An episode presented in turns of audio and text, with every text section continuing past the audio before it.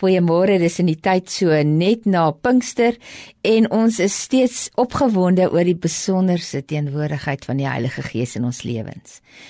In Handelinge hoofstuk 1 vers 8 staan daar: "Maar wanneer die Heilige Gees oor julle kom, sal julle krag ontvang en oral mense eerstehands van my vertel." Kenmerk krag en energie jou daaglikse bestaan. Is jy 'n geestelike kragbron vir mense? En leef jy vervul met God se vuur? Of het jy ook al gewonder, hoe kan jy klaarmaak met beurtkrag en kragonderbrekings in jou geestelike lewe? Vra jy soms jouself af, hoe prop ek myself by God se krag in? Hoe kan die bonatuurlike werking van die Heilige Gees in my geaktiveer word? Hoe leef ek konstant vanuit sy vermoë sonder om moeg en afgemat en ontmoedig te raak? God se krag is nie onbereikbaar nie, inteendeel, elke mens behoort 'n lewe van oorwinning te leef. Maar waar begin jy? Indien elke Christen ingenieur, onderwyser, boer, wetenskaplike en boekhouer hulle self sou moes afvra, watter gedeelte van my lewe is sekulêr en watter gedeelte is geestelik, sal daar miskien 'n klein variasie wees. Maar min gelowiges sal meer as 5% per week aan hulle geestelike lewe toeskryf. Wanneer mens geloofsbyeenkomste, Bybelstudie, gebed, aanbidding as geestelik beskou en alles anders as sekulêr gaan jy saans gedaan voel. Want niemand kan twee lewens lei sonder om moeg te word nie.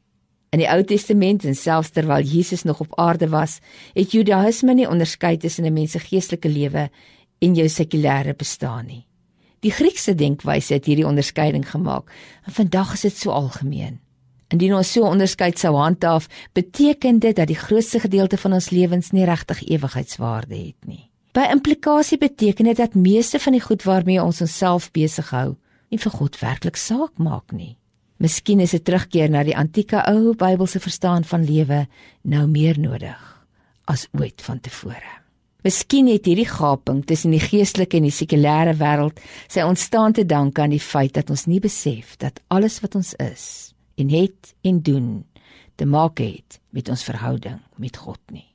Of ons ontspan of werk in 'n verhouding met iemand staan of 'n ooreenkoms met 'n vreemdeling sluit. Letterlik alles waarmee ons onsself besig hou, het te maak met ons verhouding met God. En wanneer ons dit begryp, word die lewe eenvoudig. Dit beteken ons is 24/7 in 'n verhouding met die koning van die heelal en die almagtige is die konstante bron van waaruit ons opereer. Hy's nie partymal naby en dan weer ver nie. Of liewer, ons is in sekere tye nader aan hom as ander geleenthede nie. Ons leef in 'n konstante, ewige verhouding met die lewende Here. Amen.